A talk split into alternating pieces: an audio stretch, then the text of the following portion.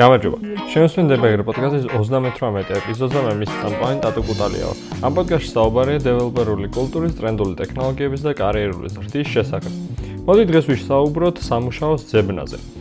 იდეაში სამუშაოს ძებნა არ არის მარტივი, განსაკუთრებით ისეთი სამსახურის ეს სამუშაოსი, რომელიც შენს მოთხოვნილებს დააკმაყოფილებს და მოერგებით ორივე, როგორც შენ, ასევე სამუშაო მოგირგებს შენ. და არც რაღაც ერთი სუპერსვლა არის აი ამ სამსახურის, აი ამ გზის გასავლელად და მოსაპოვებლად. მაგრამ მოდი ჩამოწერ რამოდენიმე პუნქტს, რომლითაც შეგვიძლია უკეთესად დავახარისხოთ ეს პროცესი ზოგადად, როგორ შეიძლება ვიპოვოთ ის სამსახური, რომელიც გვაინტერესებს, ზოგადად მოდი ვისაუბროთ, რისგან შედგება მთლიანად ეს პროცესი. პირველი ერთი არის, რომ საერთოდ ზოგადად ბაზარი არის შეუსაბამო. დასაქმების ბაზარი არის არეული საერთოდ. ხალხი ხვდება ისეთ კომპანიებში, რომლებიც შეიძლება არ აინტერესებთ ან არ შეეფერებიან და პირიქით, კომპანიებს აყავთ ისეთი ხალხი, რომელიც მათ კულტურას არ შეეფერება და მეორე იწება საერთოდ ცუდი გადაწყვეტილებების მიღება, არასასიამოვნო გარემო, ტოქსიკური ზოგ შემთხვევაში და ასე შემდეგ.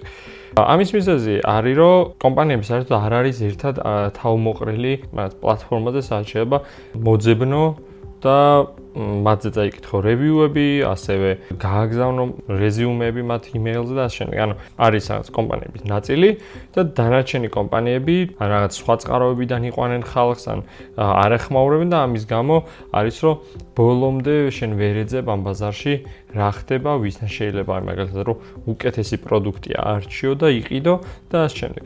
მეორე პრობლემა არის რომ ხშირად ჩვენ თვითონაც არ ვიცით ზუსტად რა გვინდა ან სამუშაოდან და რას ველით ჩვენი მომავალი კარიერული განვითარებიდან.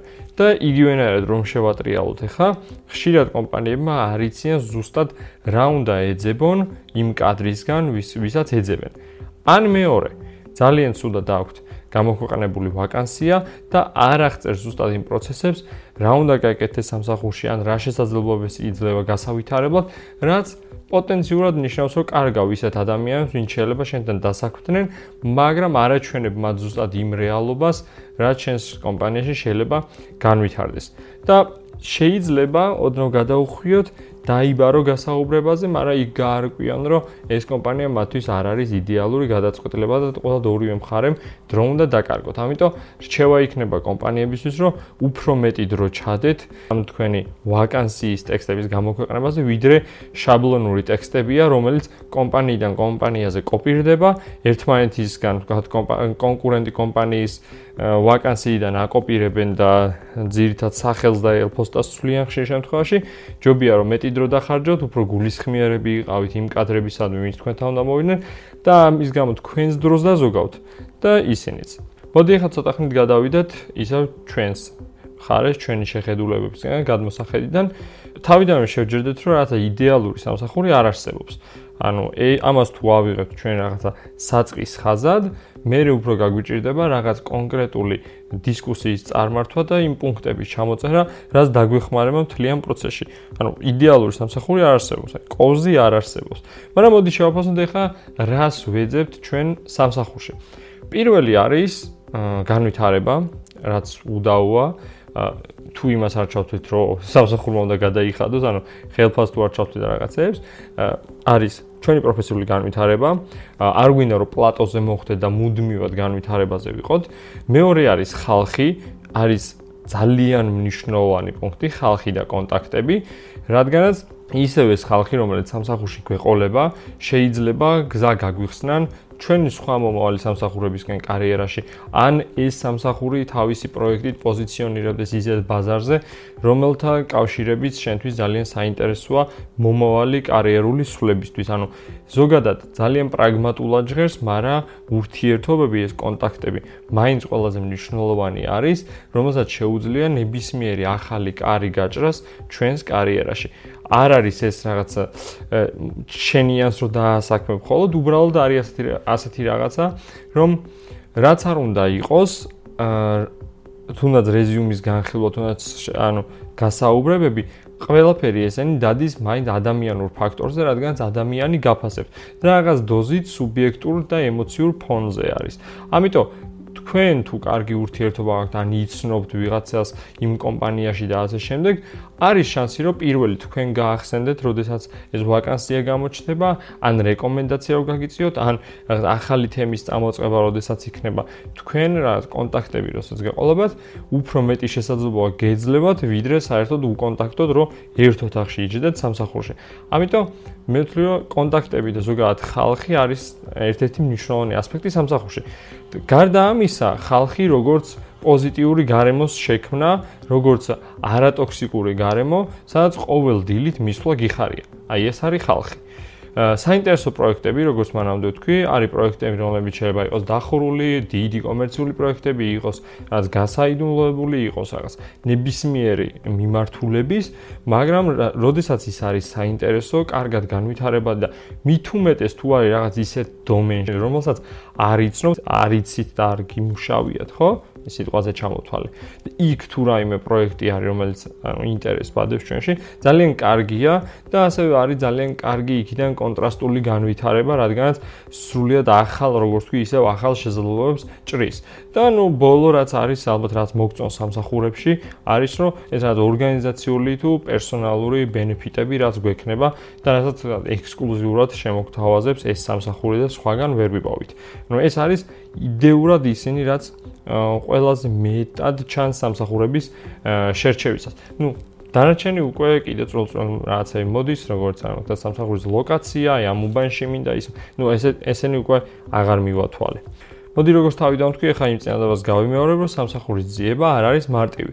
ყველა სამსახურის ვაკანსია, რომელსაც გვინდა გამოვეხმაუროთ, რაოდენ შაბლონურიც არ უნდა იყოს, ჩვენ ჩვენს ხარეს უნდა დავხარჯოთ დრო, რომ რაღაცა პერსონალიზირებული გავხადოთ მასზე პასუხი და რაღაც დავამჩნიოთ ჩვენი ხელი. ანუ წინასწარ უნდა შევისწავლოთ, თქვა რა სამსახური არის, ანუ სად მიდიხარ გასაუბრებაზე, თუ ვინმე ყავს ნაცნობი იმ სამსახურში ან იმ სამსახურთან ახლოს, შეგიძლია რომ გაარკვიო შიდა სიტუაცია, შეიძლება რეკომენდაციად გაგიწიოს.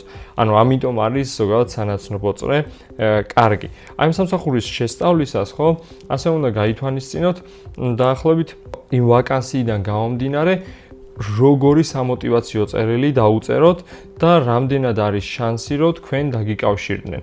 ამიტომ ეცადეთ რომ არ იყოს ხოლმე მშრალი რეზიუმე, რომელიც ყველასთვის არის გათვლილი და ცოტა უფრო თქვენი ხელი დაამჩნიოთ რომ იმ სამსახურისთვის მოარგეთ რაღაცა და მიაწეროთ დამატებითი ნოუთები. და აქვე ვიტყვი იმას რომ პირდაპირ ვაკანსიაზე მშრალად ელფოსტა სადაც არის გასაგზავნი რომ აი ამ ელფოსტაზე გამოგვეხმაუროთ, არაზოს არ არის საკმარისი, რადგანაც შეიძლება თქვენი მეილი დაიკარგოს, დროულად არ გამოგეხმაურონ, ან რეკრუტერმა გადახედოს და არ მოეწონოს და არ განიხილოს შემდგომ, რომ გადააწოდოს სხვა ინსტანციებს. ამიტომ ეგ არის ყველაზე არაეფექტური გზა ზოგადად. მასზე უფრო ეფექტური არის თუ რეკრუტერი ცალკე გიკავშირდება ინბოქსში, თქვა LinkedIn-ზე ან რაღაცა, ან მესამე ყველაზე ეფექტური გზა ისევ კონტაქტები, რომ რაც კონტაქტებიდან შეაღწიო შენ კომპანიაში რეკომენდაციის საფუძველზე, ან უბრალოდ რომ მას მიაწოდო რეზიუმე და პირდაპირ, ანუ ასე ვთქვათ, იმ სხვა რეზიუმეებთან ერთად აირიოს ის რეზიუმეს და თქვენ მოხდეთ შემდგომ უშუალო გასაუბრებაზე. ამიტომ გაითვალისწინეთ, რომ თუ რაღაცა კომპანია იცით, რომ დასაქმება გინდათ, არ არის აუცილებელი, რომ პირდაპირ ვაკანსიის მეილი მიწევთ, შეგიძლიათ სხვა მხრიდანაც მოხდეთ, ანუ ეს წესები არავის არ დაუწესებია, რომ აი ასეა. ადამიანები ვართ ყველა და მაინც ემოციურ ფონზე გადის ყველაფერი, როგორც თქვი და შესაძლებელი არის, რომ უბრალოდ სხვა სხვა გზებითაც მიაწვნოთ თქვენი ხმა კომპანიას. ეს ითქვა და მინდა ასევე ვთქვა, რომ თუ კი მოგწონთ კომპანია და იმ წუთას ვაკანსია არა, გიგივენ არის. წინა ეპიზოდებში ვისაუბრე ამაზე. სულაც არ ნიშნავს, რომ თქვენ მათ არ გაუგზავნოთ თქვენი რეზიუმე, გაუგზავნოთ და იქნებს სწორედ თქვენი სამოტივაციო წერილის საფუძველზე ან თქვენი უნარჩვევების საფუძველზე აღმოჩნდეს, რომ ის კომპანია მზადაა თქვენთვის რაღაც დამატებითი საქმე გამოყოს, ან რაღაცა როლი გაათავისუფლოს და თქვენ დაგიმატოთ გუნდში, რადგან ფიქრობს, რომ თქვენ კარგი დანამატი იქნებოდით გუნდში. ამიტომ ყველა სამსახურს ძებნისას მოეკეცით ინდივიდუალურად. მთელი აი ამ შეჯამება რაც ვისაუბრე არის რომ სამუშაო გამოცდილება შეიძლება ძალიან კარგი კონდეთ ძალიან მაგარია მაგრამ ურთიერთობების გარეშე არის მხოლოდ მშრალი სამუშაო გამოცდილება და თქვენ თუ მარტო ზიხართ თქვა ოთახში და არსად კონტაქტები არ გაიჩინეთ არც ვირტუალური, არც ფიზიკური, ნიშნავს რომ ძალიან გაგიჭირდებათ სამუშაო ბაზარზე პოზიციონირება, რადგან სამუშაო ბაზარი მუდმივად იცვლება, თუნდაც COVID პანდემიამ ძალიან არეული და არასტაბილური გახადა სამუშაო გარემო, ამიტომ სამუშაო გამოცდილება კარგია, პლუს ურთიერთობები, მაგრამ ურთიერთობები მაინც პირველ რიგშია და წვითავს ბევრ რამეს. დასრულებისკენ მიყვას ეს ეპიზოდი და ვიტყვი რომ სამუშაოს ძებნა ზოგადად არის მუდმივი პროცესი და არ ჩერდება. მიხოლა იმისა თქვენ დასაქმებული ხართ თუ არა, თქვენ ფიქრობთ თქვენი რეზიუმეს მუდმივ დახვეწაზე, LinkedIn პროფესიული პროფილის განახლებაზე, კონტაქტების შეძენაზე შეიძლება მაინც გაეცნოთ რამოდენიმე რეკრუტერს, რადგანაც და წახვიდეთ გასაუბრებებზე, რადგანაც კონტაქტები გაიჩინოთ და გაეცნოთ სხვა სხვა კომპანიებს, იმიტომ მომავალში კარიერაში შეიძლება რაღაცა გზა დაინახოთ და ეს არის მუდმივი პროცესი, როგორც კი გზა გრძელდება, მოთხოვნილებები თვიდან თვემდე წლიდან წლამდე იცვლება და შესაბამისად ის სამსახური ან სამსახურების სია, რომლებიც მოგწონთ რომ სადაც გინდათ რომ იმუშაოთ, ასევე იცვლება. შეიძლება კარიერის დასაწყისში მოგწონდეთ მეგა გიგანტური კომპანიები, ხოლო სადაც კარიერის შუაში, პიკში, როცა ხარ ზენიტში, ფიქრობთ, რომ თქვენთვის უფრო კარგი გარემო არის სხვა სტილის კომპანიაში, რადგანაც გამოცდილება გაჩვენად, რომ აქ უკეთესად გზნობ თავს. მოკლედ, ეს არის სრულიად სუბიექტური, მაგრამ ზოგადი პროცესი მინდა და დამენახებინა ამ ეპიზოდში როგორი იყო სამშაოს ძემრაზე. ზოგადად არის ეს აუარება თემა და დაუსრულებელი, მაგრამ კონკრეტულად თუ რაიმე კითხვები გექნება დისკუსია, Facebook-ის გვერდზე, პირად პროფილზე, Facebook Debugger podcast-ის Facebook ჯგუფში დაწერეთ კითხვები, ან რაღაცა, ყველა მთელი community შეგვიძლია ჩავერთოთ, თუ არ გინდათ ეგრე, პირადად მომწერეთ და რაღაც პერსონალური საუბარი გავმართოთ ამ თემაზე. დღეისთვის კი სულ ეს იყო. მადლობა ყურადღებისთვის. ყველას წარმატებას გისურვებთ და სხვა დროს ალბათ ვიაპარაკებ უკვე თუ როდის უნდა დატოვო არსებული სამსახური და ეძებო სხვა. ნახვამდის.